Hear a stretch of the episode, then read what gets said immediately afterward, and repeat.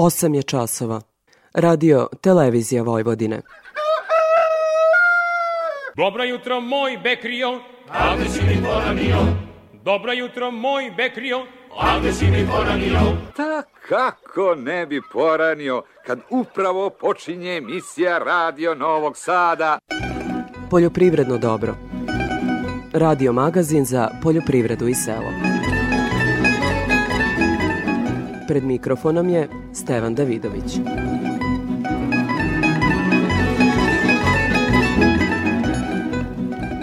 Dobro jutro. Leto su ratari iščekivali kišu, ali je nažalost nije bilo. Sada kada treba ubrati rod, kiša usporava radove i umanjuje kvalitet proizvoda. Dakle, izuzetno specifična i teška godina za biljnu proizvodnju. To pokazuje i prinosi u Subotičkom ataru, javlja direktor poljoprivredne stručne službe na tom području Damir Varga. Pa prinosi suncokreta su uglavnom se tu kretali najčešće od 700 do 900 kg po katastarskom jutru, bilo je negde gdje je bilo i manje, bilo je gde je više, ali eto možemo da kažemo da je ove godine prosek negde oko 1600 kg po hektaru požnjevenog suncokreta.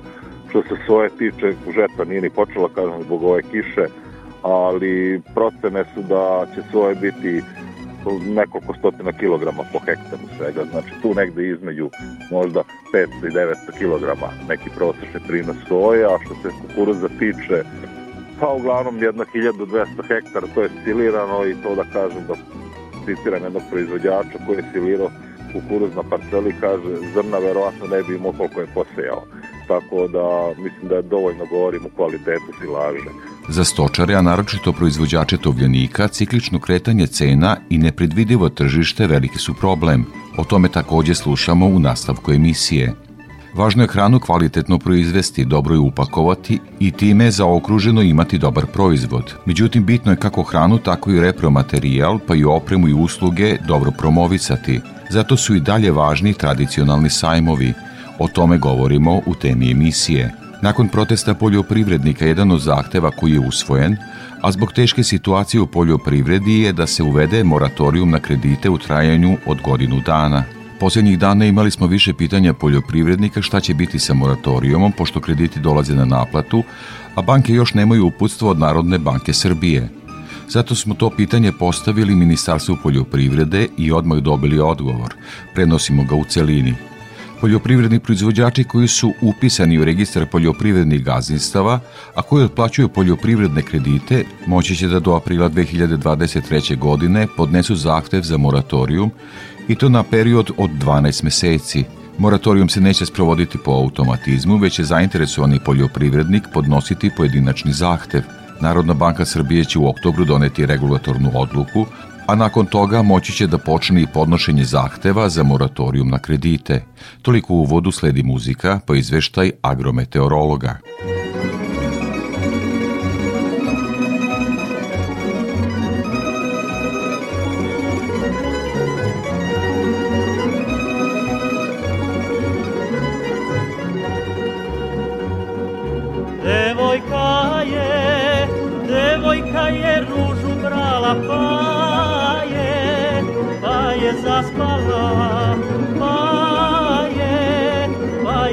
Je zaspala. Njoj dolazi,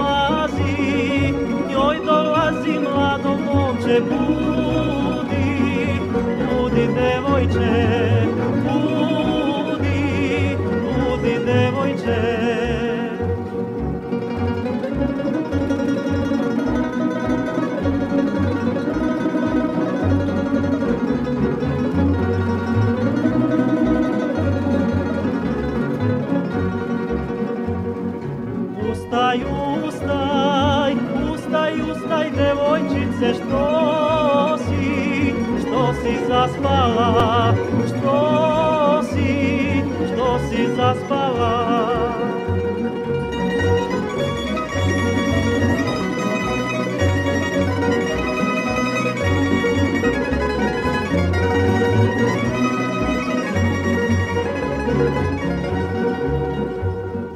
Ruža ti je, ruža ti je uvenula što si, što si ubrala, si, ubrala. Dragi ti se, dragi ti se oženio Kog si, kog si volela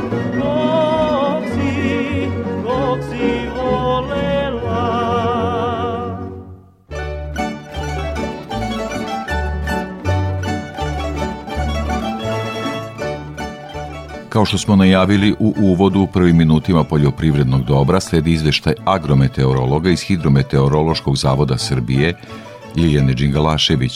Protekla sedmica obeležena je promenljivim vremenom sa povremenom pojavom padavina na velikom delu teritorije Srbije. Minimalne jutarnje temperature bile su iznad proseka za poslednje dane septembra u intervalu od 8 do 17 stepeni, dok su maksimalne dnevne bile od 18 do čak 28 stepeni.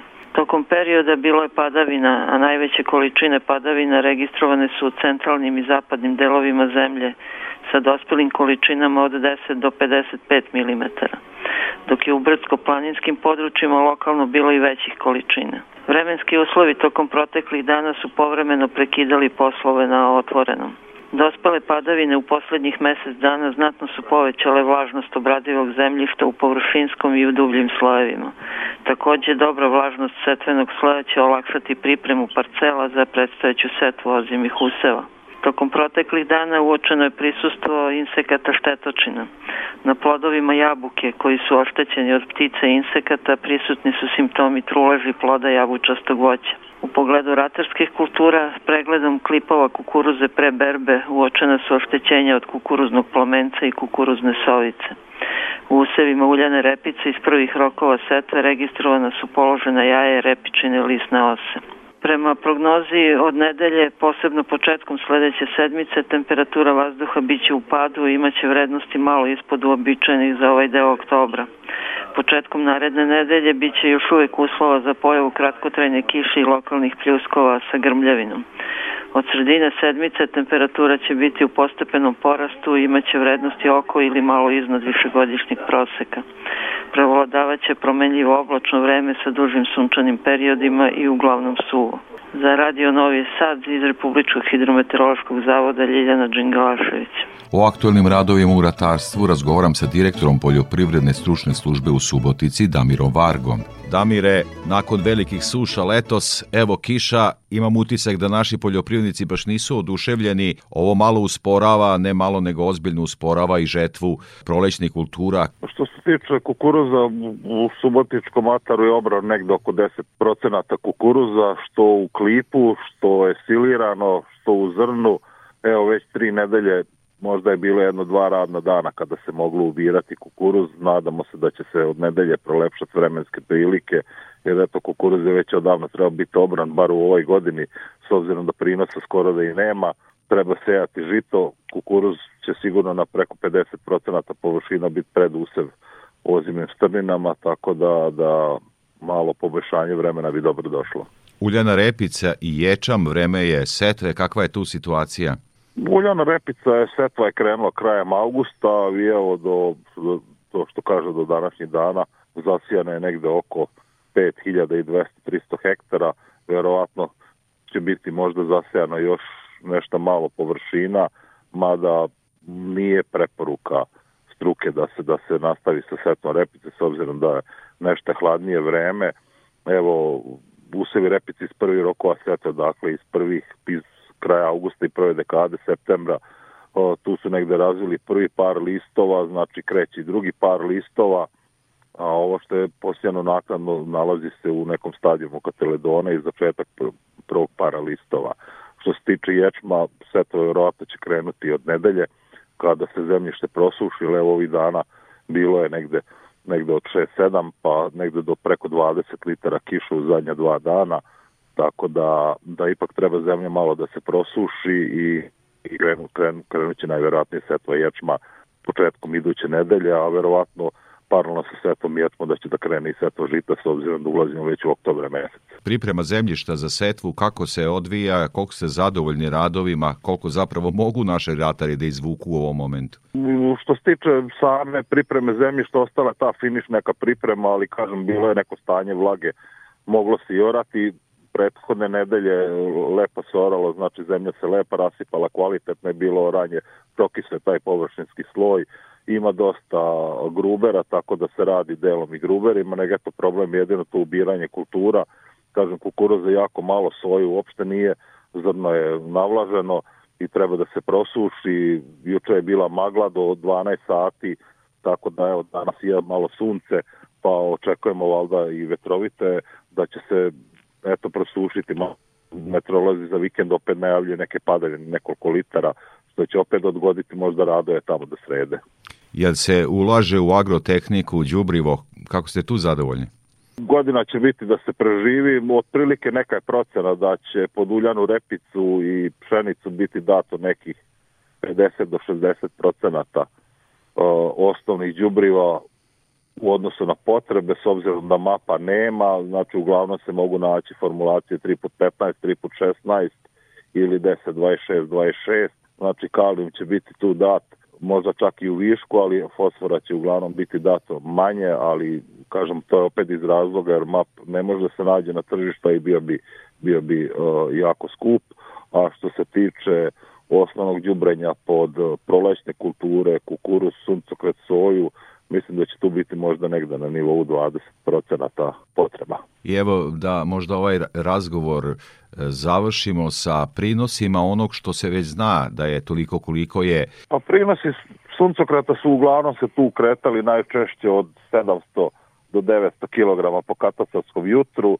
bilo je negde gdje je bilo i manje, bilo je gde je više, ali eto možemo da kažemo da je ove godine prosek negde oko 1600 kg po hektaru požnjevenog suncokreta, Što se svoje tiče, žetva nije ni počela, kažem, zbog ove kiše, ali procene su da će svoje biti nekoliko stotina kilograma po hektaru svega. Znači tu negde između možda 500 i 900 kilograma neki prosečni prinos soja, a što se kukuruza tiče, pa uglavnom jedna 1200 hektara, to je silirano i to da kažem da citiram jednog proizvođača koji je silirao kukuruz na parceli, kaže zrna verovatno ne bi imao koliko je posejao tako da mislim da je dovoljno govorim u kvalitetu silaže.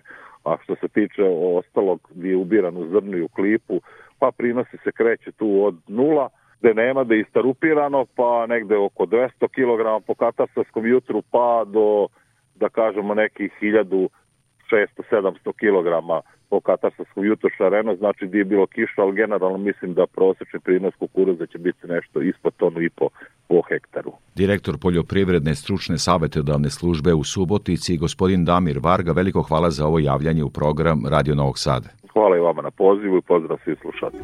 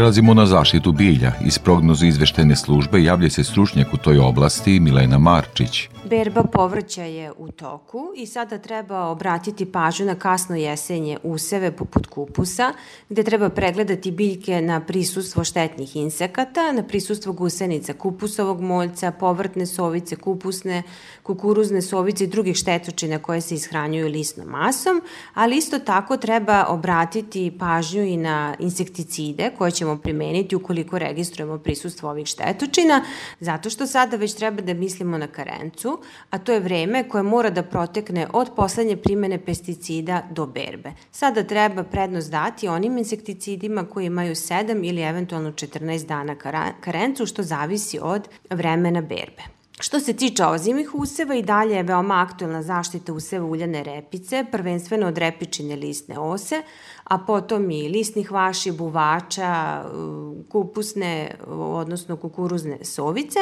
I e, treba, sada treba pregledati naličje listova uljane repice, larve, e, odnosno pa gusenice repičine listne ose u početnim stadijumima razvoja su bledo e, zelenkaste boje, dok su u kasnijim fazama razvoja one crne boje i ukoliko se uoči jedna pa gusenica po biljci ili 50 pa gusenica po metru kvadratnom, tada treba primeniti registrovane insekticide. Pored proizvodnje na otvorenom polju, kod nas je veoma zastupljena i proizvodnja u zatvorenom prostoru, prvenstveno povrća. I ovom prilikom bih želela da našim slušaocima istaknem značaj e, moljca paradajza kao izuzetno značajne štetočine e, proizvodnje paradajza u zatvorenom prostoru. To je štetočina koja je poreklom iz Južne Amerike. U Evropi je prvi put potvrđena u Španiji 2006. godine, od kada se proširila u većinu evropskih zemalja. U našoj zemlji je prvi put uočena 2011. godine i za izuzetno kratko vreme je postala najzačajnija štetočina paradajza u plasteničkoj, odnosno stakleničkoj proizvodnji. Štete pričinjavaju larve na svim nadzemnim delovima biljaka tokom cele vegetacije, znači od rasada do berbe, larve se hrane listovima i plodovima, Posebno je ugrožena druga sadnja paradajza i nije redak slučaj da e, za vrlo kratko vreme ova druga sadnja može u potpunosti e, da se uništi i da propadne zbog napada ove štetočine. Zašto je to tako? Zato što ova štetočina ima izrazito velik kapacitet za razmnožavanje, Zatim, e, gusenice, odnosno larve, ne ulaze u dijapauzu dokle god ima hrane, tako da u zatvorenom prostoru gde imamo celogodišnju proizvodnju paradajza, ova štetočina može da razvije 10 do 12 generacija i e, zato je vrlo važno da vodimo računa jer u mnogim zemljama kada se introdukuje ova vrsta za vrlo kratko vreme se primena insekticida u proizvodnji paradajza poveća za čak 30 puta zato što svi pokušavaju sa insekticidima da reše odnosno suzbiju ovu e, štetočinu. Zato ovom prilikom želim da istaknem značaj nepesticidnih mera kontrole, jer samo njihovim sveobuhvatnim sprovođenjem se mogu postići dobri rezultati u suzbijanju ove štetočine. Tu spadaju recimo postavljanje vodenih klopki za masovno izlovljavanje leptira, ove štetočine, zatim treba postaviti mreže protiv insekata na ulaz u objekat, ali isto tako i na mesta za provetravanje objekata, zatim sve listove sa minama i infestirane plodove treba ukloniti i uništiti van mesta proizvodnje, zatim tu spada plodored, odnosno neophodna je plodosmena u plasteničkoj proizvodnji i vrlo dobre rezultate pokazala je upotreba prirodnih neprijatelja, korisnih e, insekata, to su dve vrste stenica, čije se odrasle jedinke i larve hrane jajima i larvama moljca paradajza i postoji nekoliko komercijalnih preparata na našem tržištu e, sa e, ove dve vrste e, stenica koje su predatori moljca paradajza. Iz prognoza izveštajne službe za zaštitu bilja Milena Marčić.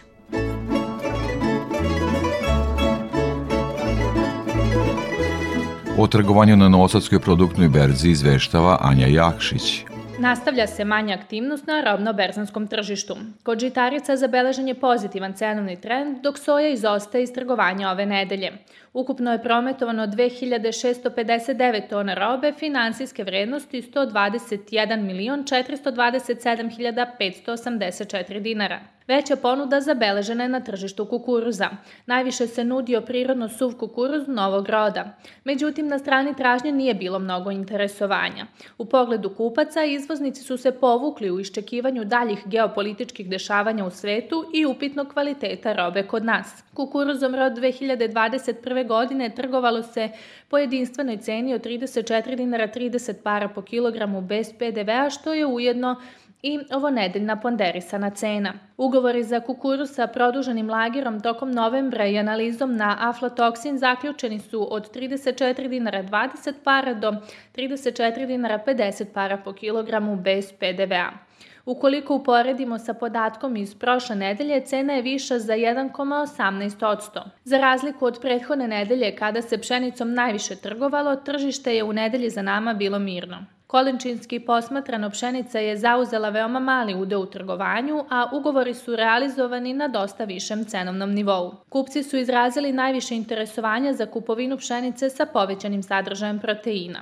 U zavisnosti od parametara kvaliteta, ugovori su realizovani od 37 dinara 60 para po kilogramu za pšenicu sa minimum 12% proteina do 41 dinar po kilogramu bez PDV-a za pšenicu sa 15% proteina. Ponder cena za ovu nedelju iznosi 38 dinara 82 pare po kilogramu bez PDV-a, što je rast od 4,69%. Na tržištu soje nije došlo do realizacije berzanskih ugovora. Slaba ponuda i još manja tražnja, kao i cenovni spred između kupaca i prodavaca, doveli su do odsustva ove uljarice iz trgovanja. Ponude po ceni od 80 dinara po kilogramu bez PDV-a nisu naišle na adekvatan odgovor tražnje. Suncokret se trgovao na nižem cenovnom nivou u odnosu na 7 dana ranije. Berzanski ugovori zaključeni su u rasponu cena od 66 dinara do 66 dinara 20 para po kilogramu bez PDV-a. Ponder cena za ovu nedelju iznosi 66 dinara 4 pare po kilogramu, što je pad od 0,84%. U nedelji za nama zabeleženo je veće interesovanje za mineralnim đubrivima.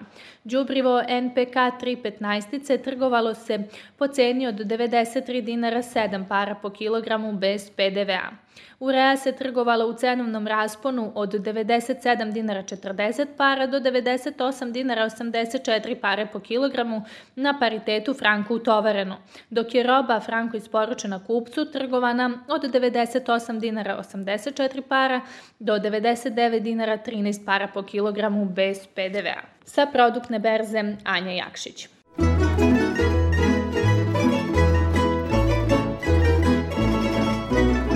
Kao i svake nedelje pratimo izvešte o cenama za tržište žive stoke.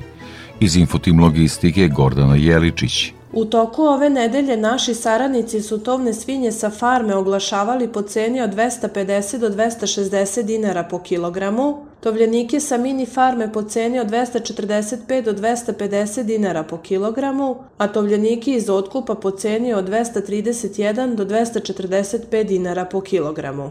Tokom nedelje imali smo dogovore za tovne svinje sa farme na cenu 250 dinara po kilogramu, a za mini farmu na 245 dinara po kilogramu. Najava za cene za iduću nedelju je niža od ovih oglašenih cena. Ponuda jagnjadi oglašena je po ceni od 290 do 320 dinara po kilogramu, a ovce za klanje su nuđene po ceni od 140 do 150 dinara po kilogramu. Slabije je interesovanje oko ove kategorije stoke, pa su i ponuđači prinuđeni da obaraju cene u oglasima. U toku nedelje prasaca farme su se oglašavale po ceni od 330 do 350 dinara po kilogramu, prasaca mini farme po ceni od 300 do 324 dinara po kilogramu, a prasad iz otkupa po ceni od 280 do 300 dinara po kilogramu. I u ovoj nedelji nepromenjen nivo cena u oglasima i slabo pregovaranje. Ponude bikova Holstein oglašena je po ceni od 300 do 335 dinara po kilogramu, a bikova simentalaca po ceni od 350 do 360 dinara po kilogramu. Pregovori se završavaju na nižim nivoima od oglašenih cena. Cene su izražene bez PDV-a. Za Radio Novi Sad, Gordana Jeličić iz Infotim Logistike.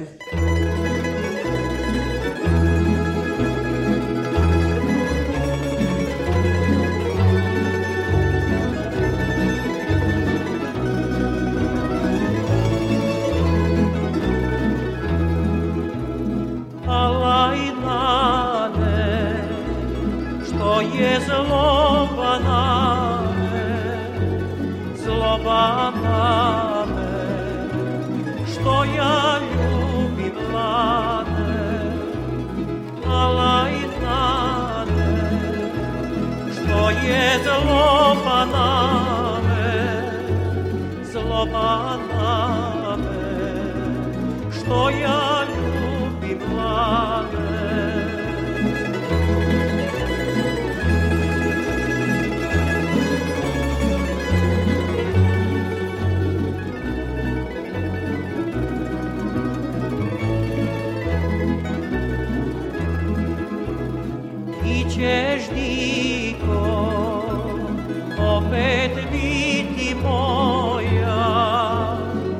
makar da te ne da nana tvoja.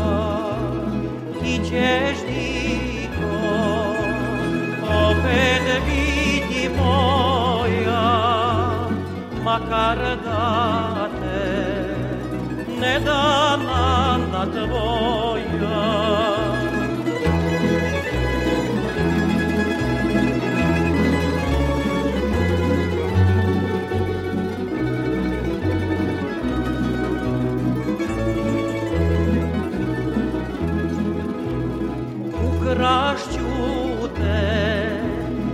da tvoji ne znaju ne dam da te za drugog udaju Ukrašću te da tvoji ne znaju ne dam da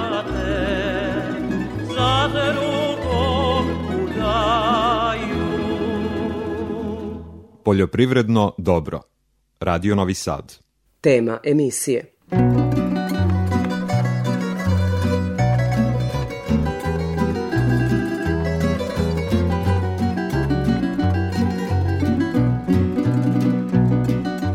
Važno je hranu kvalitetno proizvesti, dobro je upakovati i time zaokruženo imati dobar proizvod. Međutim, bitno je kako hranu, tako i repromaterijal, pa i opremu i usluge dobro promovisati. Zato su i dalje važni tradicionalni sajmovi. O nekim ovih dana održanim i onima koji će uskoro biti upriličeni, govorim u temi emisije koju pripremio Đorđe Simović. Nedavno je u Varšavi održan Fresh Market, jednodnevni sajam i biznis to biznis događaj za sveže voće i povrće. Predstavnici Razvojne agencije Vojvodine na njemu su održali brojne sastanke kako bi našli nova tržišta za naše proizvođače. O tome za Radio Novi Sad govori Ivan Borovčanin iz Razvojne agencije Vojvodine. Odlučili smo se za Fresh Market jer je u pitanju B2B događaj za sveže voće i povrće koji okuplja predstavnike najvećih poljskih i stranih lanaca supermarketa, individualnih proizvođača i distributera. Mi smo tamo otišli kako bismo sa trgovinskim lancima stupili u prvi kontakt i pomogli našim proizvođačima da pronađu nova tržišta za svoje proizvode. Održali smo desetak sastavaka sa velikim trgovinskim lancima kakvi su Polo i Žabka iz Poljske, Ošan, Leclerc iz Francuske, Nemački Špar i tako dalje. Najveće interesovanje su pokazali za našu šargarepu, kupus, kajsije, jagode, šljive, borovnice i mini lubenice, pa ćemo u narednom periodu da razgovaramo sa našim proizvođačima i da im pomognemo da kreiraju ponude, što jeste jedna od naših glavnih aktivnosti. Iskoristio bi ovu priliku da proizvođače pozovem da na našem sajtu se registruju u bazu dobavljača i tako postanu vidljiviji domaćim i stranim kupcima. Nakon 15 godina, 2019. na Zagrebačkom velesajmu upriličen poljoprivredni sajam – Nakon toga je izbila korona, a ove godine će od 1. do 4. decembra biti upriličen sajam Kro Agro, međunarodni sajam poljoprivrede, poljopreme i mehanizacije i sajmovi hrane i zdravog življenja. Na ovom događaju nastupit će i kompanije iz Srbije. U susret tom događaju za Radio Novi Sad govori Damir Pavlek, koji je projekt menadžer te manifestacije. Predstavite nam predstojeći sajam, e, kako njegov izložbeni deo, tako i specijalizovane događaje koje ste planirali. Ova dva sajma, kao što ste dobro rekli, nakon dugo godina, 2019. je bilo prvi put, su bili, pogotovo sajam Croagro, a sam poljoprivrede, mehanizacije i poljoopreme, a sajmovi hrane i zdravog življenja, oni su već bili 10 godina na Zagrebačkom velesajmu i ovo im je 12. izdanje. 2019. je bilo 11. ovo im je 12. izdanje. Ove godine smo ih objedinili zajedno, ja sam voditelj projekta za oba sajma, jer je logično da se ta dva sajma odlično nadopunjuju, jer svi oni izlagači koji će biti, ili velika većina koji će biti na sajma hrane i zdravog življenja su de facto i kupci ovog velikog sajma.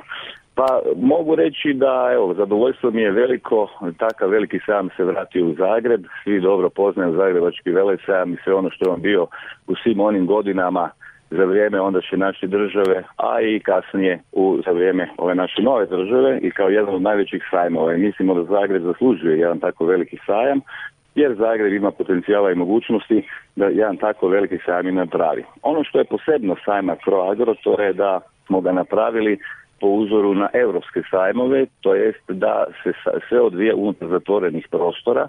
Izabrali smo ovaj termin kada polja miruju i kada poljoprivrednici imaju vremena više pa mogu doći i na miru obići sve ono što ćemo im mi ponuditi. A što ćemo im ponuditi? Pa ponudit ćemo im e, kao što smo i nazvali sve najbolje u poljoprivredi, odnosno ponudit ćemo im sve ono što trenutno oni mogu vidjeti negdje vani, jer tu će biti nekakve premijere koje će doći izvana. Nažalost, sada je premijera malo jer se desila korona i sva proizvodnja je stala, no međutim e, imamo veliki, veliki odaziv izlagača po svim segmentima, od teške mehanizacije pa sve do one najmanje. Također tu je sadni materijal, ali i tu su zaštitari, znači zaštita bilja.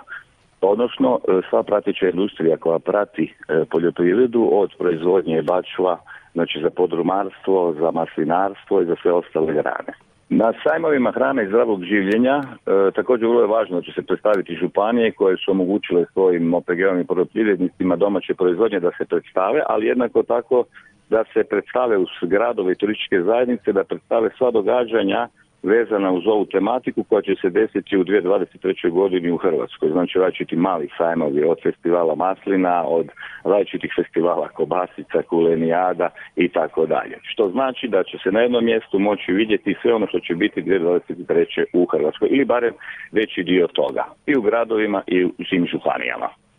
E, recite mi, kada je reč o specijalizovanim manifestacijama, znači stručnim skupovima, šta ste planirali? Specijalnost će biti ta glavna, jedna od glavnih i light tema ovoga sajma će biti urbana poljoprivreda. To je poljoprivreda u gradovima i okolici da se vidi kako se sve može napraviti uz e, modernu proizvodnju i proizvodnju u urbanim sredinama. To je jedna posebnost ovog sajma. Naravno uz te teme bit će i običajne teme vezane uz polja i ostalo, no međutim važno je stvar naglasiti da ćemo upravo mi imati prvi ovaj dio koji je vezan za urbanu poljoprivredu i također ćemo uz, vezano uz to imat ćemo i teme koje su vezane uz obnovljive izvore energije i kako ih povezati sa modernom poljoprivredom te e, digitalni sustavi u modernoj poljoprivredi. I za kraj razgovora recite mi, pojava interneta donela je oštru konkurenciju sajmovima širom sveta. Kako se e, zagrebački vele sajam pod navodnicima bori sa ovim izazovom? Pa internet je naša, e, naša svakodnevnica i u svakom slučaju dobro je i taj način koristiti za međusobnu komunikaciju. Pogotovo evo nakon korone vidjeli smo da su ljudi otvorili različite nove kanale promocije i prodaje. No međutim pokazalo se, mi smo ove godine imali nekoliko sajmova, ja sam vodio konkretno dva u četvrtom mjesecu bijam i zavarivanje, a jednako tako sada vidimo prema interesu izlagača i za ove sajmove da sajmovi ako se dobro naprave i dobro pripreme sigurno imaju veliki utjecaj i veliku pobuđuju veliku pažnju. Zašto? Zato što ljudi vole doći, vole vidjeti. Mi smo takav narod, mi naprosto volimo doći, volimo vidjeti i volimo, volimo osjetiti tu atmosferu. A mislim da i nema bolje, e, bolje komunikacije i bolje prenosa informacija kada su ljudi gledaju jednim drugima u oči i kada se nađu. A osim toga i ovaj događaj kada se ljudi okupljaju jer su bili i na kraju dana toliko bili i željni tih okupljanja, pa evo, mi im sada to i nudimo i kažem, evo, zahvaljujem ovim putem svim izlagačima, a pogotovo izlagačima koji će nam doći iz Srbije, koji su prepoznali ovaj sajam kao jednu od novih i kao jednu od mogućnosti da se dodatno prezentiraju u Hrvatskoj i povežu sa poljoprivrednicima i svima onima kojima će njihovi proizvodi trebati. I evo za kraj da ponovimo još jednog od 1. do 4. decembra na Zagrebačkom e, vele sajmu biće upriličen sajam Kro Agro, međunarodni sajam poljoprivrede, poljopreme i mehanizacije i sajmovi hrane i zdravog življenja. Sagovornik u programu Radio Novog Sada bio je Damir Pavlek koji je projekt menadžer ove manifestacije. Hvala vam puno na izdvojenom vremenu za naš program. Hvala vama, još jedan put lijepi pozdrav i poziv, e, dragi dođite u Zagreb, dođite na naš sajam i šta vam kažem, živjeli i svako dobro svima želim. A na sajmu Agro nastupit će kompanija Profi Agro Consulting iz Novog Sada. O očekivanjima Zoran Janjatović iz te firme. Firma Profi Agro Consulting se bavi uh, instalacijom opreme za ventilaciju i raslađivanje konkretno na farmama muznih krava. Znači, to je problem koji rešavamo zadnjih nekoliko godina na velikim farmama u Srbiji, konkretno dve najveće farme. Zatim, e, jako je važno da u periodu pogotovo ovaj, ovakvih leta i vrućina, kako se desilo ovog leta, farme imaju optimalnu proizvodnju kao i reprodukciju. Znači, naša oprema je tako koncipirana da jednostavno e, mi ulazimo u razgovore sa klijentima tako što prvo predstavimo vreme povraća investicije sistem koji mi ugrađujemo obezbeđuje očuvanje 90 do 95% proizvodnje mleka tokom tih letnjih meseci, šestomesečnog perioda uz unapređenje reprodukcije i na taj način su prepoznale velike farme u Hrvatskoj naš proizvod, naš koncept. Prošle godine smo imali i opremili farmu Belje, najveću farmu u Hrvatskoj i sada idemo dalje. Znači o tome se radi, koncept je tako dizajniran da je vreme povraćaja do dve godine, gde su minimalni gubici na proizvodnji, a to je jako, jako važno u ovom periodu. Tako da nam je cilj da odemo na sajam, predstavimo opremu, pokažemo konkretne rezultate i ljudima predočimo koje su ulaganja i koje su im benefiti od ugradnje te opreme. Kao što ste čuli u temi emisije od naših sagovornika kako poslovni ljudi, tako i posetioci jedva čekaju poljoprivredne sajmove posvećene hrani kako bi u neposrednom kontaktu ugovorili saradnju. U tom smislu internet može samo da bude dobra dopuna tradicionalnom predstavljanju proizvoda.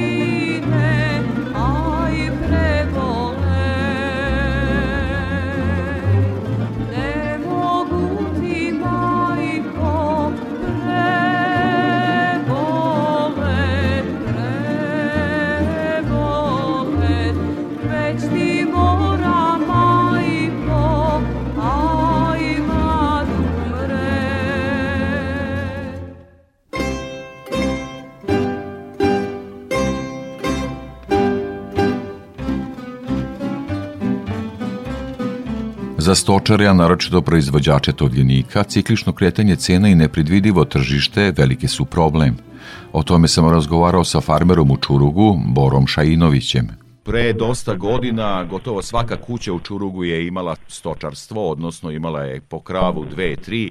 Kakva je danas situacija u Čurugu? Je li manje stočara, više stoke? Šta se tu dešava?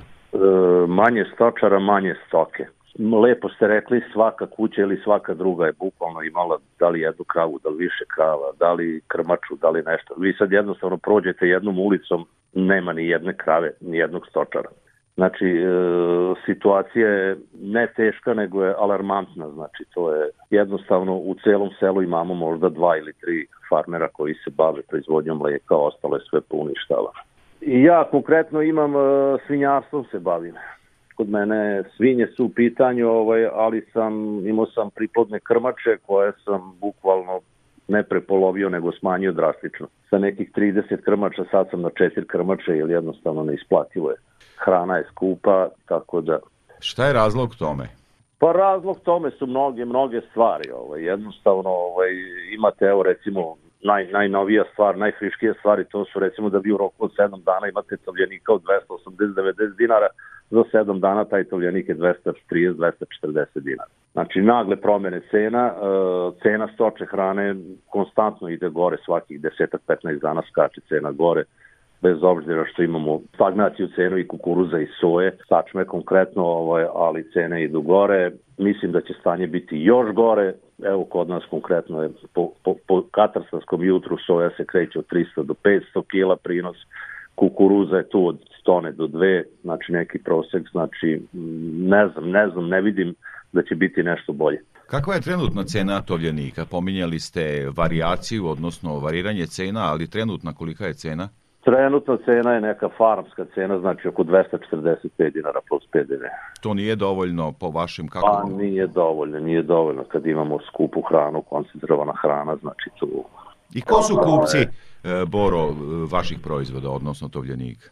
Pa klaničari, mahom su to klaničari ovde koji su na nas najviše naslonili, znači ta Novi Sad i okolina Novog Sada. Jel imaju oni razumevanja, partnerski odnos što se kaže, ili shvataju oni da je, da je sirovina osnova svake proizvodnje? Ne, ne, malo, mali broj. Ja konkretno znam jednog koji to shvata, ovi ostali ne. Oni rade to jednostavno sad kad je, ne znam, cena mala ili nešto, gde na odloženo plaćanje, kad je cena velika plaća odma traži, ne pita ni kilažu, ni klasu, znači jako, jako malo je mesara koji, koji imaju taj neki partnerski odnos da, da, da bi moglo da se čovek veže pa da radi s jednim stavom. Podrška države, subvencije po grlu, šta se tu događa?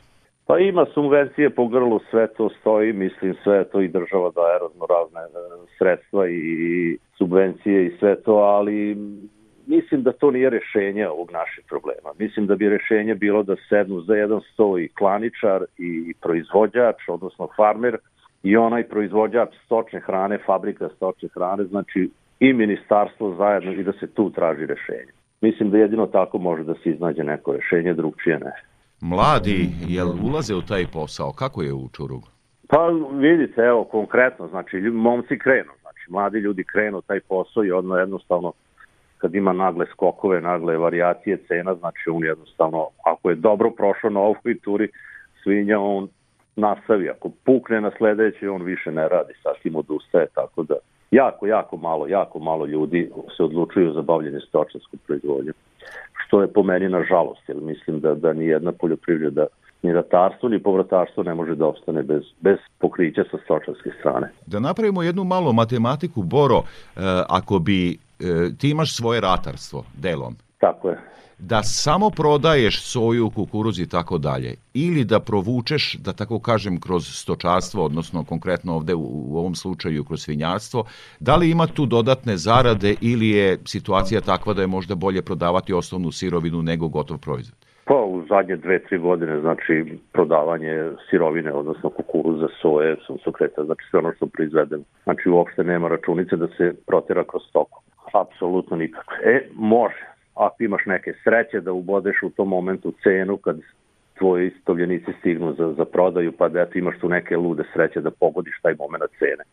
Ali to je sve opet lutrija, znači, da li će ili neće. Ali u celini gledano na, na godišnjem nivou ne. Nema računice, čistije prodati taj kukuruz, soju i tako da.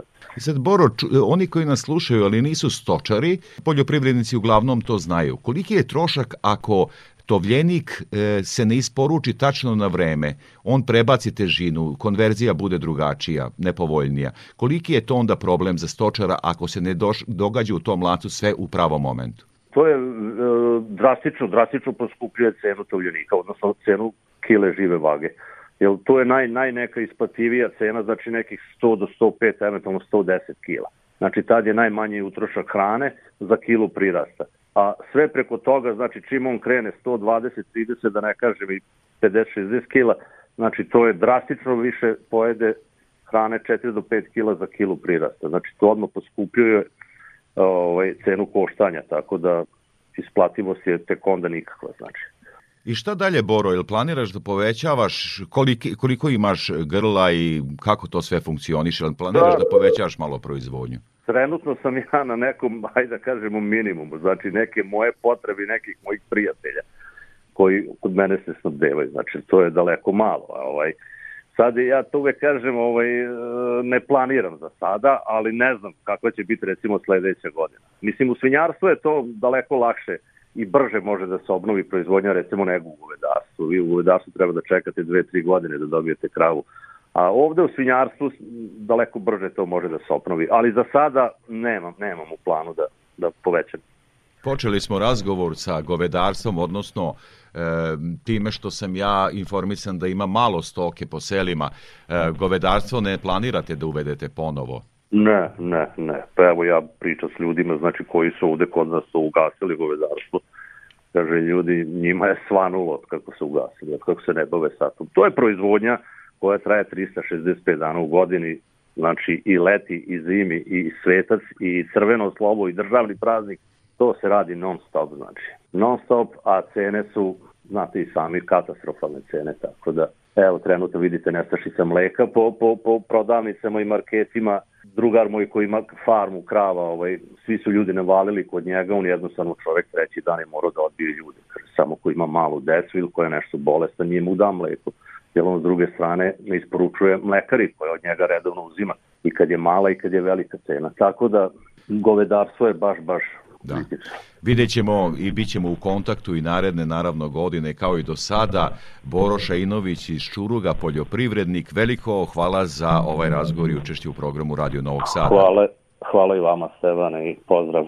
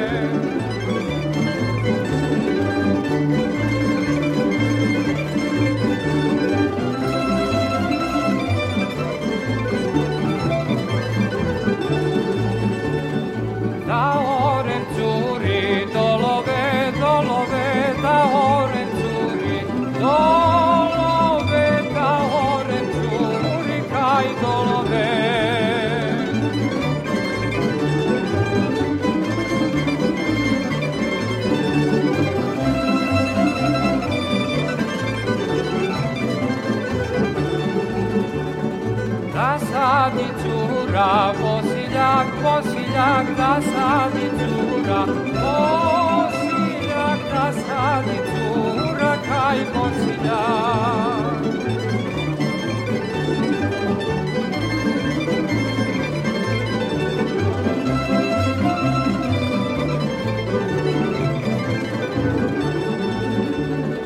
Da njime kiti, prozore, prozore, da njime kiti, prozore, da njime kiti, kaj prozore. Protekle sedmice održan je 12. Dunavski biznis forum u Vrdiku, o čemu sam razgovarao sa predsednicom Upravnog odbora Novosadskog instituta za ratarstvo i povrtarstvo Draganom Latković. Bila mi je izuzetna čast i zadovoljstvo da učestvujem na 12. Dunavskom biznis forumu koji se održao u Frušk, na Fruškim termama I to ovaj, u okviru panel diskusije vezano za poljoprivredu, odnosno za, oni su rekli, nazvali tu panel diskusiju agroindustrija. S obzirom na celu situaciju u zemlji i na sve probleme tako, koji, nas, ovaj, koji nas okružuju od, od, od ove koronavirusa, od, od poremećaja na tržištu, od rata i tako dalje, veliki uticaj na privredu cele zemlje, a pogotovo na poljoprivredu, e, imaju i klimatske promene. Ja sam u okviru ove te panel diskusije govorila o klimatskim promenama i govorila sam o tome e, kakve su posledice sve po poljoprivredu Srbije, pre svega što se tiče prinosa kukuruza i ostalih jarih kultura. Ono što moramo da konstatujemo jeste da je ta suša, kako da kažem, jedan veoma e, učestal pojam u današnjem vremenu, to je u stvari jedan fenomen, jel tako, koji se očitava time što imamo nedostatak vode i u zemljištu i u vazduhu i naravno imamo negativne posledice po rasti razviće biljaka, a to se onda naravno opet negativno odražava na prinos e, pogotovo jarih kultura i naravno štete od toga su strahovito velike. Svedoci smo da je ova godina tako izuzetno teška bila za poljoprivrednu proizvodnju, da ne nabrajam od početka tako godine kada smo imali izuzetno velike impute ovaj, koji su poskupili, je tako, a sa druge strane onda nas je sačekala i ta suša koja je što se tiče kukuruza znači jako negativno uticala na visinu prinosa, prinosi su da kažem e, se kreću u jednom vrlo širokom dijapazonu od e, parcela gde poljoprivredni proizvođači nisu ni brali kukuruz do onih recimo da kažem boljih parcela tako gde smo imali prinose negde 5, 6 pa kod nekih poljoprivrednih proizvođača čak i 7 tona. Ali naravno to je sve zavisilo od toga je tako i koji je to region Srbije, koliko je bilo padavina, kad su se one javljale, koji su hibridi sejani, kad je bilo vreme setve, kakva je bila gustina setve, kakva je u celini e, primenjena agrotehnika i tako dalje. Ono što svakako treba da ode kao jedna poruka, je tako, što se tiče konkretno sad ove diskusije ovaj, vezane, vezano za sušu i vezano za prinose jari kultura, jeste da e, naučna zajednica naravno pokušava da nađe e, izlazi svih ovih problema i naravno ovaj ko, ko, koji su to izlazi. Znači prvo što na što moramo o čemu moramo voditi računa jeste da malo gledamo da promenimo tu strukturu setve pa gde god možemo tako da probamo više ubacivati setvu ozimih biljnih vrsta, znači ozimih žita, zato što je iz prostog razloga ta proizvodnja na neki način sigurnija. Dalje, ako se već odlučujemo tako za tu prolećnu setvu, treba e, birati hibride koji su tolerantni, tolerantni ali tako prema tim stresnim uslovima i naravno treba birati hibride e, koji su ranijih FAO grupa zrenja, zato što oni ovaj, tu, tu najkritičniju fazu za kukuruza, to je ta faza metanja i svilanja, prolaze pre nego što nastupe te letnje letnje žege, jel tako, letnje suše, a to je negde, jel tako, od sredine, e, od, od kraja recimo juna meseca pa ceo jul mesec. Imam utisak da je u ovako otežanim uslovima proizvodnje izuzetno bitno i koristiti sertifikovano seme koje je od instituta i provereno na našim agroekološkim uslovima. Kakav je vaš stav i kakav je stav nauke? Naravno, stav i struke nauke je da se kod svih biljnih vrsta tako koristi sertifikovano seme iz prostog razloga je tako što ono ne može da ide u prodaju dok ne, ne je određeno kvaliteta i što se tiče čistoće i što se tiče klijavosti i što se tiče energije klijanja, a konkretno znači sve sorte, svi hibridi NS e, našeg instituta je, i našeg brenda NS semena su sorte hibridi koji su stvarani za ovo agroekološko područje, znači na neki način su priviknuti da kažem na, na ove uslove. I mogu da kažem da evo ovim stresnim situacijama e, prinosi naših kako soraca tako i hibrida apsolutno mogu da kažem su u ogledima pa i kod u široj proizvodnji bolji bolji nego što, što je to recimo slučaj kod stranih kompanija. Ali naravno ako se poštuje agrotehnika, znači opet napominjem ove godine je izuzetno bilo presudno koja FAO grupa zrenja e, i koja gustina. Ne sumnjam institut od nacionalnog značaja, institut za ratarstvo i povrtarstvo u Novom Sadu, da će dati sve od sebe da se odgovori na ovako zaista velike i izazovne klimatske promene. Velikom hvala za ovo javljanje i znam da će poljoprivrednici i direktno vas kontaktirati u institutu za savete, kao što i sada bilo već dugi niz, niz godina, da ne kažem decenije. Hvala i vama na pozivu i naravno hvala vam što uvek obaveštavate našu javnost o svemu što je aktuelno u oblasti poljoprivrede. Hvala vam još jednom. Svako dobro. I pred krajem emisije još jednom prognoza za narednu sedmicu.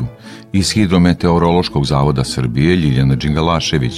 Prema prognozi od nedelje, posebno početkom sledeće sedmice, temperatura vazduha biće u padu i imaće vrednosti malo ispod uobičajenih za ovaj deo oktobra.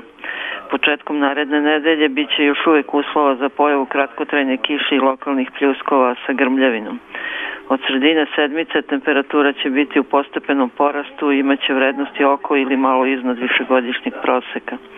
Prevladavaće promenljivo oblačno vreme sa dužim sunčanim periodima i uglavnom suvo. To bi bilo sve što smo pripremili za ovo izdanje poljoprivrednog dobra Radio Novog Sada.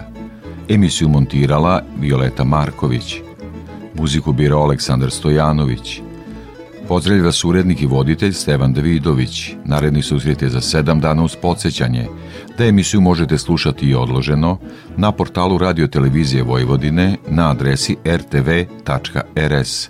Svako dobro!